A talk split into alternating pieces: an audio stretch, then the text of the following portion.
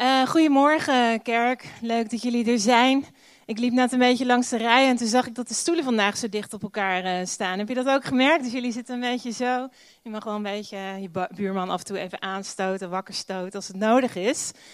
Um, mocht je het gemist hebben, en ik kan me dat bijna niet voorstellen, we zijn gestart met een nieuwe serie, Dimensies van Discipelschap. En uh, wat ik ontdekte tijdens het maken van deze preek is dat discipelschap uh, niet in de spellingscontrole van in ieder geval mijn Mac staat. Hij herkent het woord niet. Ik weet niet of je het wel eens hebt ingetypt en gemerkt hebt. Hij maakt ervan discipelhap. Dus dat vond ik wel een hele mooie. Maar ik dacht, we zijn zo bezig met promotie van het thema hier in de Vineyard. Dus laten we ervoor zorgen dat hij in de spellingscontrole terecht komt op die manier. Wij doen er in ieder geval heel erg ons best voor, dat hij hem gaat herkennen. Um, het allereerste uh, discipel-dimensie, uh, hap, die we samen oppakken is uh, God aanbidden, of ervaren en aanbidden. Nou, Bram die heeft, als je er vorige week was, Bram die heeft afgetrapt met de eerste preken over het thema. En als alles uh, goed en volgens plan uh, verloopt, dan hebben jullie deze week in de huisgroepen ook daar aandacht uh, aan besteed. Ik ben heel benieuwd hoe dat was bij jullie. Maar ik dacht, wat een gaaf thema. God ervaren en Hem aanbidden. Daar wil ik wel ja, altijd over spreken. dus ik weet, weet dat we om de week hadden beloofd dat we hier over dit thema zouden spreken. Maar ik kon het gewoon niet laten om vandaag daar ook over te spreken. Dus laten we samen vandaag ook gaan kijken naar hoe we God kunnen ervaren en aanbidden. Toen Bram vorige week aan het spreken was, toen dacht ik, hoe kunnen we Gods liefde ervaren? Er kwamen allemaal vragen in me op, hoe voelt dat dan, Gods liefde ervaren? Hoe ziet het eruit? En hoe werkt het? En ik weet niet of jullie die twee van ons als leidersteam hebben gekregen in een mail van vorige week, volgens mij donderdag of vrijdag. En er zat een filmpje in. En wie van jullie heeft dat uh, gekeken? Uh, heel enthousiast. uh, nou ja, dit is uh, Phil Stroud. Die heeft het filmpje ingesproken. Hij heeft het over de Vineyard Core Values of Experiencing God. Um, nou ja, misschien herken je het zo. Ik heb hem niet heel charmant op de foto of stilgezet, gepauzeerd, geloof ik. maar dit is hem, dus niet Struik. Het is geen familie van mij, maar Stroud. Hij is een Amerikaanse voorganger. Um, leider van de Vineyard in de USA. En uh, veel die vlogt in uh, 2 minuten 7 is het geloof ik. Over ja, onze meest belangrijke waarden in de vineyard. Of een van onze meest belangrijke waarden in de vineyard. En dat is God ervaren. Um, veel die legt uit uh, dat God niet iemand, iemand is die we alleen maar uh, met ons verstand uh, kunnen vatten. Of over wie we kunnen lezen in, de, in een boek of in de Bijbel. Of over wie we gehoord kunnen hebben in de geschiedenis of via via. Nee, in de Vineyard geloven we dat we God ehm, kunnen kennen. kunnen kennen en ervaren. Tastbaar, voelbaar, hoorbaar en zichtbaar. En we hebben het hier dan over ervaren uh, van Gods liefde en van zijn aanwezigheid. En uh, ik denk dat het ook maar goed is, ook dat we God kunnen ervaren. We leven uh, in een ervaringseconomie, beleving of experience. staat bij veel mensen hoog op hun lijstje. Ik weet niet of dat ook voor jou geldt. Ik weet niet of je die cadeaubonnen kent, niet alleen van Bongo hoor, ik maak geen reclame. maar je hebt van die cadeaubonnen en daar kun je een belevenis mee uh, kopen of uitzoeken. Dat is een van mijn favoriete cadeautjes. Dus mocht je nog eens iets voor mijn verjaardag kopen, dan dat is een tip.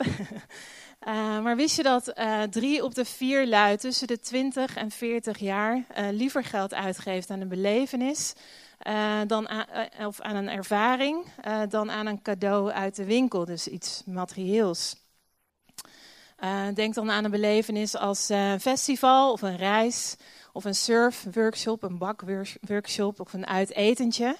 Um, allemaal belevenissen, ervaringen. Ik weet niet welke belevenis of ervaring jij zou uitkiezen. Maar ik zou gaan voor een ervaring met God als hij ertussen stond. um, nog een paar vraagjes. Um, hoe zit het met jou? Ken jij God uh, met je verstand? Uh, weet je over God uh, uit de Bijbel? Heb je over God gehoord via via? Of heb je hem ook zelf persoonlijk ervaren? En op welke manier heb jij dat gedaan? Um, en zo ja, als je antwoord ja is, was dat iets eenmaligs voor jou? Of heb je God vaker ervaren? En ja, het zijn allemaal vragen, sorry. Maar en wanneer heb je voor het, laatst Gods liefde ervaren? Is dat nog recent of al langer geleden? Een vriend van uh, voorganger in eh, Amerika, die zegt, hele mooie uitspraak vind ik. The problem with Jesus is that he is alive. Mooi. The problem with Jesus is that he is alive and he is eager to be known and experienced by all of us. Dus dat geldt voor ons allemaal. En ik dacht, dat is, zo is het maar net. God uh, leeft en hij wil niks liever uh, dan dat jij en ik hem leren kennen en ervaren nou ja, de Bijbel, je hoeft hem maar open te slaan en je ziet hoe bomvol die staat. Met voor, voorbeelden van mensen uh, die God ook ervaren. Nou, recent uh, stelde een theologie-docent uh, haar 120 studenten tijdens een college de volgende vraag. Ze vroeg aan hen: Geloof je dat God van je houdt? En wat denk je, hoeveel van de theologiestudenten zeiden ja? Elf? Wie niet? Vijftig. Het waren er maar twee. Ja. De andere 118 studenten zeiden dingen als: Ik weet dat ik eigenlijk ja zou moeten zeggen. Of ik weet dat de Bijbel ja zegt op deze vraag, maar ik voel het niet. Uh, een ander antwoord was: uh, Ik kan gewoon niet zeker zeggen dat ik het geloof. En het gaat hier over theologie-studenten. Hè? dus hoe kan dat nou? Uh, wie van jullie eet er wel eens honing. Daar moest ik aan denken. Ik vind het zelf niet echt uh, super lekker, maar dat is niet zo handig om te zeggen voor het voorbeeld, dus vergeet dat eventjes.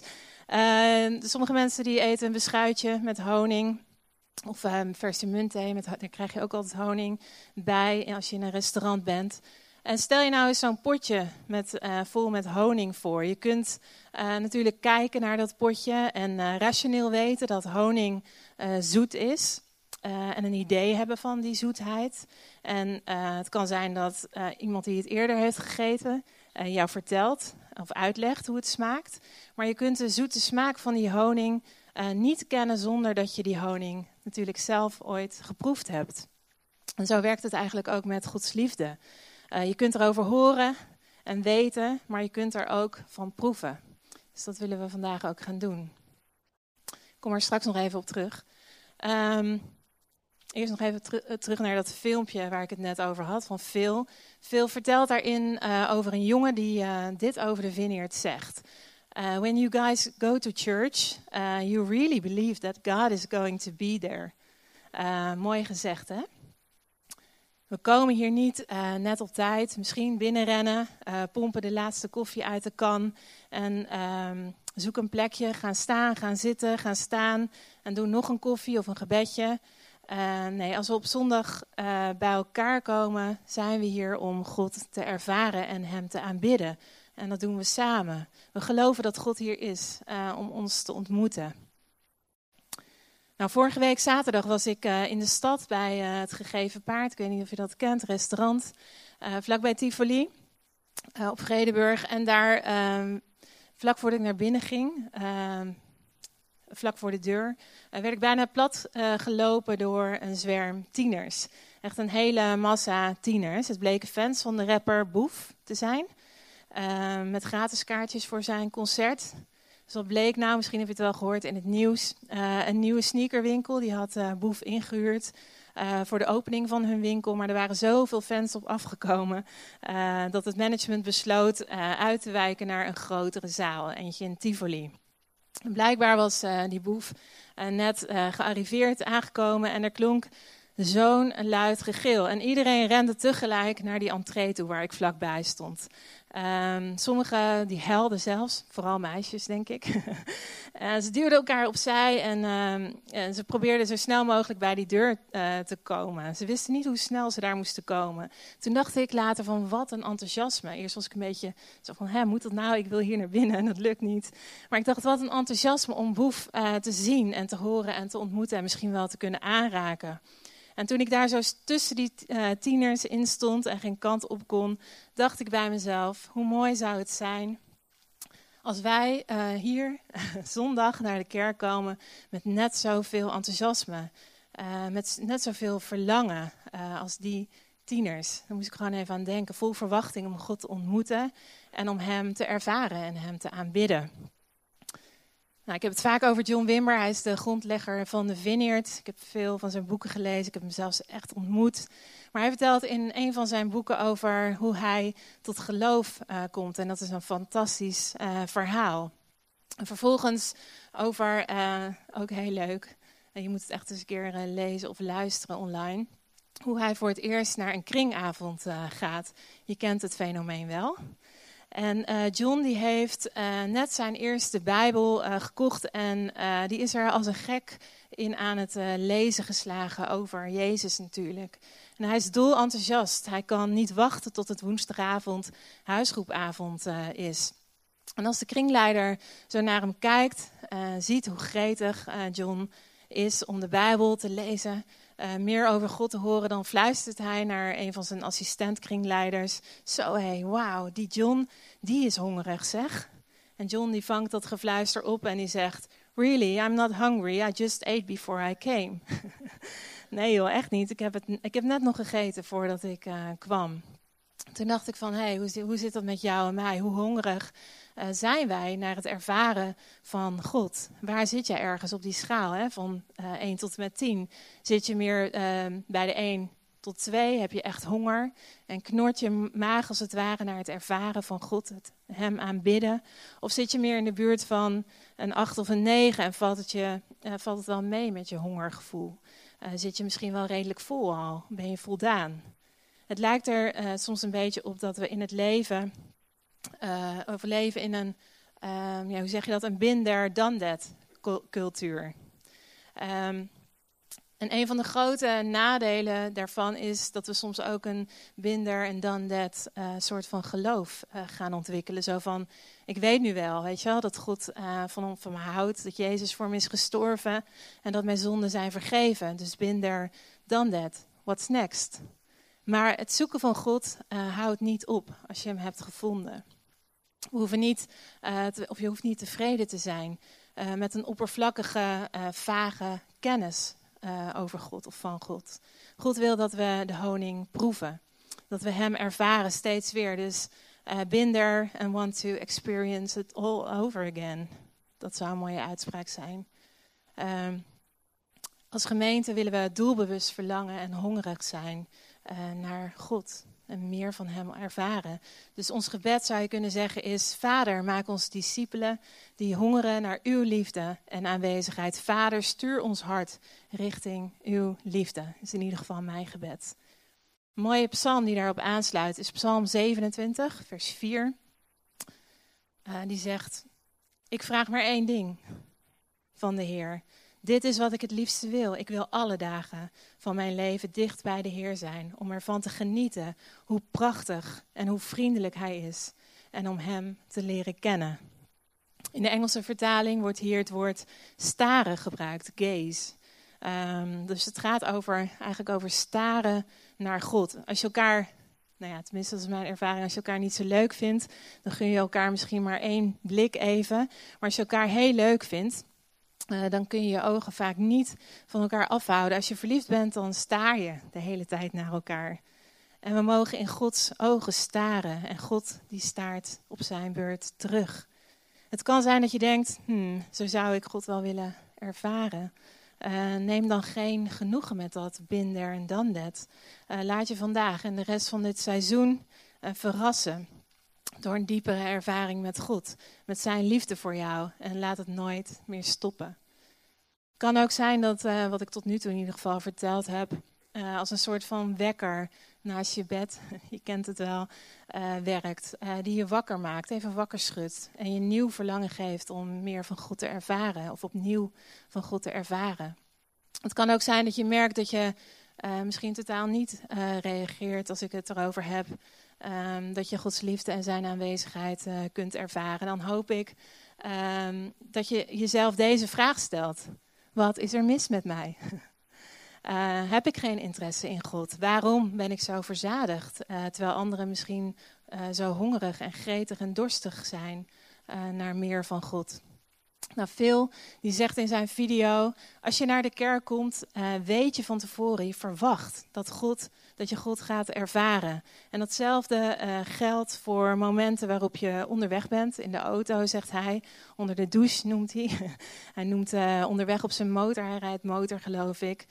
Ik kan me ook voorstellen dat het uh, geldt voor veel meer dingen, zoals hardlopen in de natuur, noem maar op. Je kunt God overal ervaren. En Phil die heeft het er in het filmpje over dat hij ervan houdt om keihard te zingen in de auto. En als hij op de motor zit, wie uh, herkent dat? Doe je dat wel eens? Stiekem. Gewoon keihard ervoor gaan. Um, en hij zegt, soms is het maar beter dat mensen mij niet kunnen horen. en die ervaring heb ik zelf ook. Uh, ik zit vaak op de fiets, ik heb geen auto. En soms uh, moet je dan even wachten voor zo'n stoplicht, ook al uh, rijdt iedereen je dan voorbij. en doet alsof jij gek bent. Maar zo stond ik een keer stil voor een stoplicht. ik stond te wachten en ik had dat liedje, we zingen het hier wel eens, You're a good, good father, in mijn hoofd. Zo'n mooi nummer. En ineens hoor ik mezelf hardop zingen. And I'm loved by you. En ik kijk zo naar de zijkant en er staat een jongen echt mij aan te staren op de fiets naast mij. Van, uh, die is ook uh, heel raar. Uh, dus je kunt misschien beter onder de, onder de douche zingen of in de auto, inderdaad. maar God ervaren, dat kan overal. En wat ik zo meteen wil doen, is jullie eigenlijk twee korte en hele simpele voorbeelden uit mijn eigen leven geven die daarover gaan. God ervaren. En beide keren vinden toevallig plaats in een trein. Um, maar eerst wil ik nog even terugkomen op die vraag die ik net stelde. Hoe hongerig ben jij um, naar het ervaren van God? Hoe zit je hier vandaag? Uh, Jan Bernard die sprak twee weken geleden over Psalm 42, fantastische psalm. Uh, die gaat over dorst hebben. Of die komt in ieder geval uh, dat komt naar voren in de eerste verse. En ik vind het zo mooi hoe Eugene Peterson uh, dat in het Engels vertaalt. Hij zegt: I am thirsty for God alive. Dus misschien kun je eventjes interactie even draaien naar je buurman, buurvrouw en zeggen: I'm thirsty for God alive.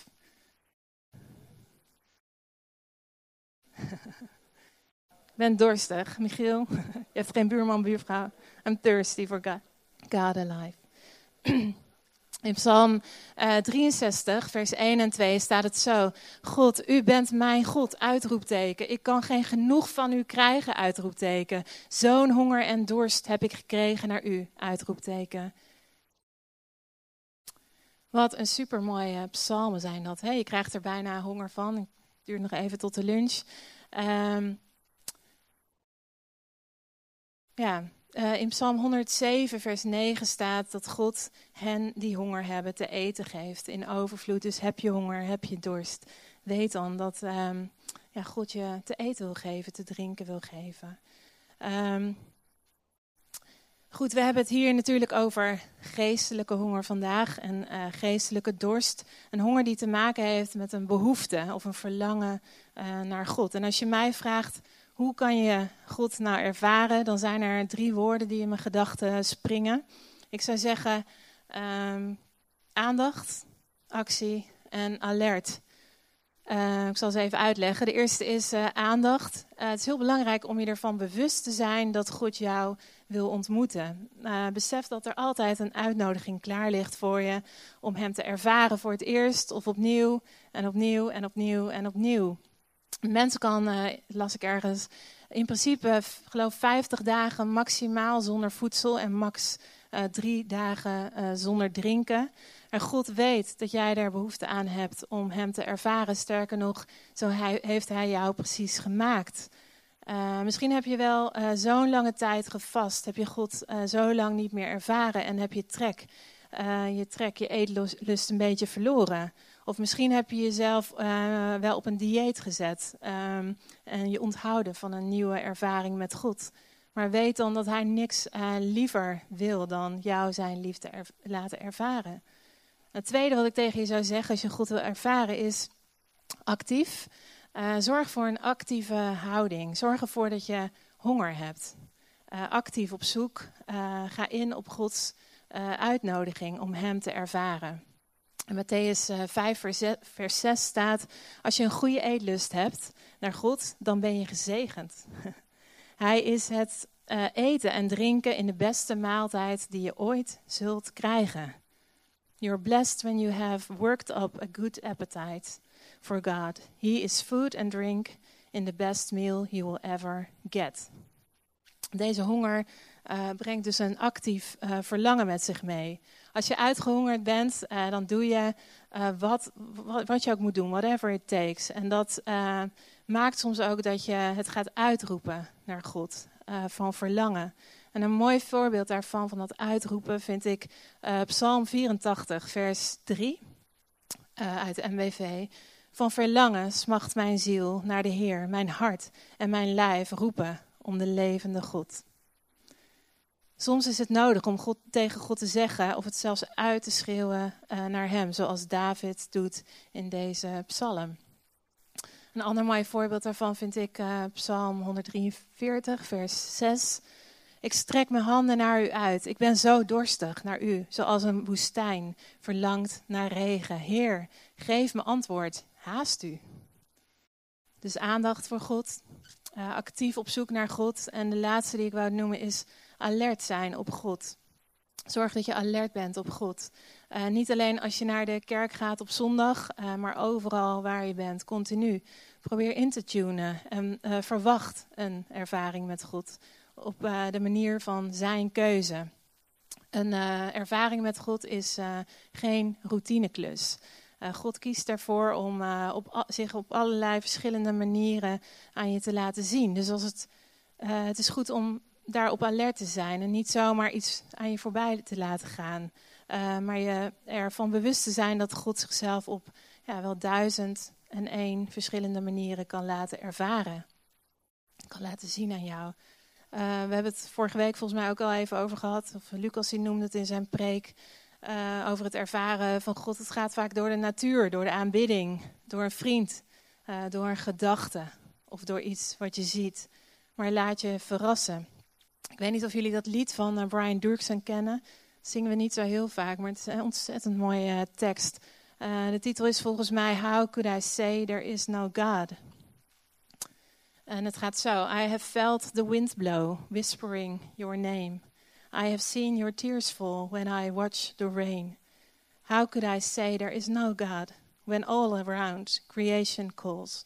A singing bird, a mighty tree, the vast expanse of open sea. Gazing at a bird in flight, soaring through the air, lying down beneath the stars, I feel your presence there. I love to stand at ocean shore and feel the thundering breakers roar, to walk through golden fields of grain, neath endless blue horizons frame, listening, listening to a river run watering the earth, fragrance of a rose in bloom, a newborn cry at birth. Maya? Het wekt in mij ontzag voor God op. Maar God die laat zich uh, ervaren door alle, uh, door alledaagse uh, dingen heen. die we om ons heen zien. De regen, de wind, de sterren, de oceaan, noem maar op. Ik denk dat het tijd wordt om jullie een paar voorbeelden te vertellen over hoe ik uh, God zelf persoonlijk uh, wel eens heb ervaren. Ik heb jullie natuurlijk in de loop de afgelopen tijd heel veel van dat soort voorbeelden uh, verteld, maar ik wil jullie nog twee simpele ervaringen vertellen, met jullie delen. Maar ik wil eigenlijk beginnen met één klein voorbeeldje van iemand, die is hier nu niet, maar um, ik sprak laatst iemand uit de Vineyard. Ik had een klein gesprekje met een meisje en die vertelde me dat ze was opgevoed um, in een christelijk gezin. Uh, alleen in haar tienertijd begon ze te twijfelen of God wel echt bestaat. Uh, ze bleef wel af en toe naar de vineyard komen met vrienden mee. Uh, maar tegelijkertijd begon ze ook wat te experimenteren met drugs en met alcohol. En eigenlijk ging ze steeds harder twijfelen over God, aan God. Hoe zeg je dat? Um, totdat ze op een dag ontdekte dat ze totaal niet meer in God geloofde. En ze zei tegen God: uh, Ik ben er klaar mee. Ik, ik geef u nog één uh, laatste kans om te be bewijzen dat u bestaat. Grappig hoe we soms praten tegen God. En anders uh, weet ik het zeker dat er geen God is en laat ik het hele geloof ook definitief voor wat het is. Um, voor goed achter me zou je kunnen zeggen. Nou, dit hele denken van haar gebeurde terwijl ze aan het fietsen was, onderweg naar huis. En uh, dit meisje dacht, wat kan ik nou concreet aan God vragen, waardoor ik weet uh, of hij wel of niet antwoordt. Uh, als bewijs dat hij bestaat of niet. En het eerste wat er in haar gedachten opkwam, was een kruis. wat staat symbool voor geloven, dacht ze. Een kruis. Um, dus ze zei eigenlijk al fietsend tegen God: Ik maak een deal met u. Als ik uh, onderweg naar huis uh, langs de weg een uh, groot kruis zie, dan bestaat u en anders niet. Als ik het niet tegenkom, dan niet. Dan ben ik er klaar mee. Dit is uw laatste kans. Um, nou, een hele rit naar huis. Ik zie het helemaal voor me altijd als ik dit soort dingen hoor. Um, de hele rit naar huis, geen kruis te zien. Um, dus wat doet dit meisje? Ze geeft God nog één laatste kans, waarschuwing. En ze zegt: Oké, ik zie geen kruis, dus blijkbaar bestaat u niet. Um, maar oké, ik geef u nog één aller, allerlaatste uh, kans. Het mag ook een klein kruisje zijn. Niks. Bijna thuis. Uh, Gods kans is bijna voorbij. Verkeken. Probeert ze nog. Het hoeft echt maar een heel klein, heel klein kruisje te zijn hoor, God. Uh, maar ze hoort weer niks. Ze ziet niks. En dat maakt haar heel boos en verdrietig, maar vooral ook ontzettend boos op God. En ze zegt: Ik ben er helemaal klaar mee. Ik stop met geloven. Het is allemaal niet waar. En dan komt ze aan bij haar huis en ze zet haar fiets in de schuur. En ze is zo boos op God. Dat ze stampvoet op de grond en uh, dan ineens valt er een enorme balk uit het niks op haar hoofd maakt haar alleen maar bozer en doet ontzettend zeer. en nu is ze dus echt uh, boos. Eerst geen antwoord van God en nu dit. Vervolgens bukt ze uh, naar de grond en raapt de balk op. En wat blijkt? Die stomme balk blijkt een enorm kruis te zijn. En wat er gebeurt met haar is, valt op haar knieën, barst in huilen uit. En dwars door deze ervaring heen beseft ze, God bestaat. Wat een ervaring met de levende God. Heel persoonlijk. Nou, jaren geleden tijdens mijn studie uh, reisde ik veel met de trein. Ik zei het net al even. En op uh, die momenten gebruikte ik soms om ja, even bij te praten met God. Um, en nou ja, ik wil jullie gewoon twee van die simpele ervaringen in de trein vertellen. Um, en hoe simpel ze ook zijn, ik zeg het steeds, maar ze zijn nog steeds belangrijk voor me. Ze hebben grote betekenis. De eerste gaat over een treinreis uh, naar Utrecht. Dus ik zit in de trein en ik luister naar een audio van een preek. Um, en als ik van die spreker hoor wat God allemaal aan het doen is in de Bijbel en wil doen in en door ons heen, word ik echt helemaal enthousiast. Het, uh, nou ja, het wekt mijn enthousiasme op. En um, vlak daarna uh, ben ik klaar met luisteren en komen er opeens allerlei uh, dingen in mijn gedachten waar ik niet zo trots op ben. Ik denk aan verkeerde dingen die ik uh, doe en besef hoe zondig ik ben. Gewoon in de trein. En ik vraag me ook af, um, zou God me dit allemaal wel willen en kunnen vergeven? Mijn schuldgevoel groeit met de minuut. En dan stel ik God maar gewoon heel zachtjes die vraag. Kunt en wilt u me dit allemaal wel vergeven, God? En uh, terwijl ik wacht op antwoord en niks uh, lijkt te ervaren in eerste instantie, kijk ik naar buiten. En precies op dat moment dat ik naar buiten kijk, komt er zo'n grote blauwe vrachtwagen voorbij. Met in dikke, vette, witte letters uh, geest erop. Ik weet niet of jullie hem wel eens voorbij hebben zien komen. Volgens mij zijn er duizenden van die auto's, maar ik had hem nog nooit gezien. En het was alsof God zei, nou ja, het had over de Heilige Geest. En voor mij was het in ieder geval uh, een teken dat God zei, of dat hij me duidelijk wou, uh, maakte van, uh, ik heb je vergeven, Janneke. Ik heb je vergeven. Nou, een paar weken later zit ik nogmaals in de trein en ehm, ben ik eigenlijk een beetje aan het mopperen op God. En vraag me een beetje af waarom ik nog zo mijn best doe, ehm, als ik God toch niet vaak ervaar. En ik zeg tegen God, houdt u eigenlijk nog wel van me? En ik hoor niks. En na een tijdje voor me uitstaren in de trein komt er een uh, rare gedachte ineens in mijn hoofd. En het is alsof uh, ik God tegen me hoor zeggen: Janneke, als ik je nou eens een luchtballon laat zien, geloof je dan uh, dat ik heel veel van je houd? En ik zeg tegen God, ja tuurlijk, dat zou heel mooi zijn. Maar ik zie ook allemaal nadelen, want ik, eh, het is veel te koud voor een luchtballon. Het is veel te koud weer. En wat wil nou, die keer zit ik precies aan het einde van een coupé met alleen maar één klein raampje nog uh, rechts van me.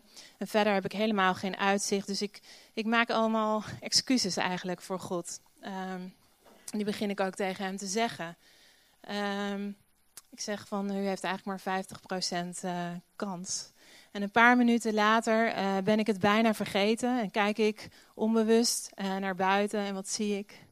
Uh, tot mijn grote verbazing komt er heel laag en heel dichtbij een grote luchtballon over. En ik kan hem maar een paar seconden zien en dan is hij ook weer weg uit beeld.